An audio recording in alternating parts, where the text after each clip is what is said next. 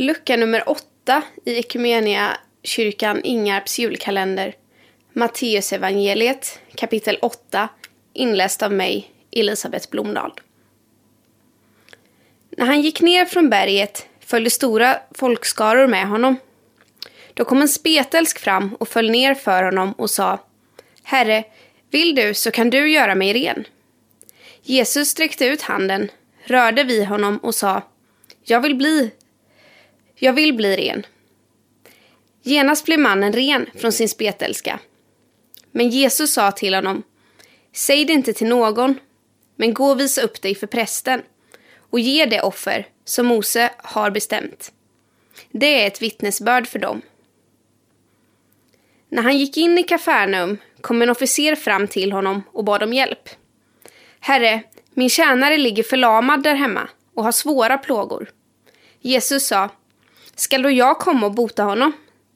Officeren svarade, Herre, jag är inte värd att du går in under mitt tak. Men säg bara ett ord, så blir pojken frisk. Jag är själv en som står under befäl, och jag har soldater under mig. Och jag säger till den ene, gå, så går han. Och till den andra, kom, så kommer han. Och jag säger till min tjänare, gör det här, så gör han det. Jesus blev förvånad och sa till dem som följde honom, sannerligen, inte hos någon i Israel har jag funnit en så stark tro. Jag säger er att många ska komma från öster och väster och ligga till bords med Abraham, Isak och Jakob i himmelriket. Men rikets egna barn skall kastas ut i mörkret utanför. Där ska man gråta och skära tänder. Och till officeren sa Jesus, gå, du trodde, och det ska ske. Och i det ögonblicket så blev pojken frisk. Jesus kom hem till Petrus och fick se hans svärmor ligga sjuk i feber. Här rörde vi hennes hand och då lämnade febern henne och hon steg upp och betjänade honom. På kvällen förde man till honom många som var besatta. Han drev ut andarna med sitt ord och botade alla sjuka. För att det som hade sagts genom profeten Jesaja skulle uppfyllas. Han tog våra sjukdomar och han lyfte av oss våra plågor. När Jesus såg så mycket folk omkring sig befallde han att man skulle fara över till andra sidan sjön.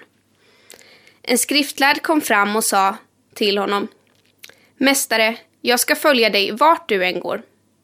Jesus svarade Rävarna har lyor, himlens fåglar har bon, men Människosonen har inget ställe där han kan vila sitt huvud. En annan av lärjungarna sa Herre, låt mig först gå och begrava min far. Men Jesus svarade Följ mig och låt de döda begrava sina döda. Han steg i båten och hans lärjungar följde med. Plötsligt blev det så stark sjögång att båten nästan försvann bland vågorna. Men han sov. De gick fram och väckte honom. Herre, hjälp oss, vi går under. Han sa, varför är ni rädda, ni trosvaga? Sedan reste han sig och hutade åt vindarna och sjön och det blev alldeles lugnt. Folk häpnade och sa, vem kan han vara? Till och med vindarna och sjön lyder honom. När han kom över till Gadaras område kom två besatta emot honom från gravarna. De var så våldsamma att ingen kunde ta sig fram den vägen. Och de ropade Vad har du med oss att göra, Guds son? Har du kommit hit för att plåga oss i förtid? Ett gott stycke därifrån gick en stor svinjord och betade. Demonerna bad honom Om du driver ut oss, skicka då oss till svinjorden. Han svarade Ge er iväg. Då for demonerna ut ur männen och över till svinen och hela jorden rusade utför branten ner i sjön och omkom i vattnet. Herdarna sprang därifrån och när de kom tillbaka till staden berättade de allt, också om de besatta. Hela staden gick då ut för att möta Jesus och när de såg honom bad de honom att lämna deras område. Gud, vi tackar dig för det här ordet som vi har fått till oss idag. Vi tackar dig för att du sände din son Jesus. Och vi tackar för att du är med oss i denna juletid. Även fast den inte är som, som den har varit de andra åren kanske. Du har varit människa och du vet precis hur vi har det. Och vi kan få dela allt med dig. Tack för att du ser var och en av oss i den här stunden och du möter oss med ljus och kärlek. Välsigna oss alla idag och låt ditt ansikte lysa över oss. I Jesu namn. Amen.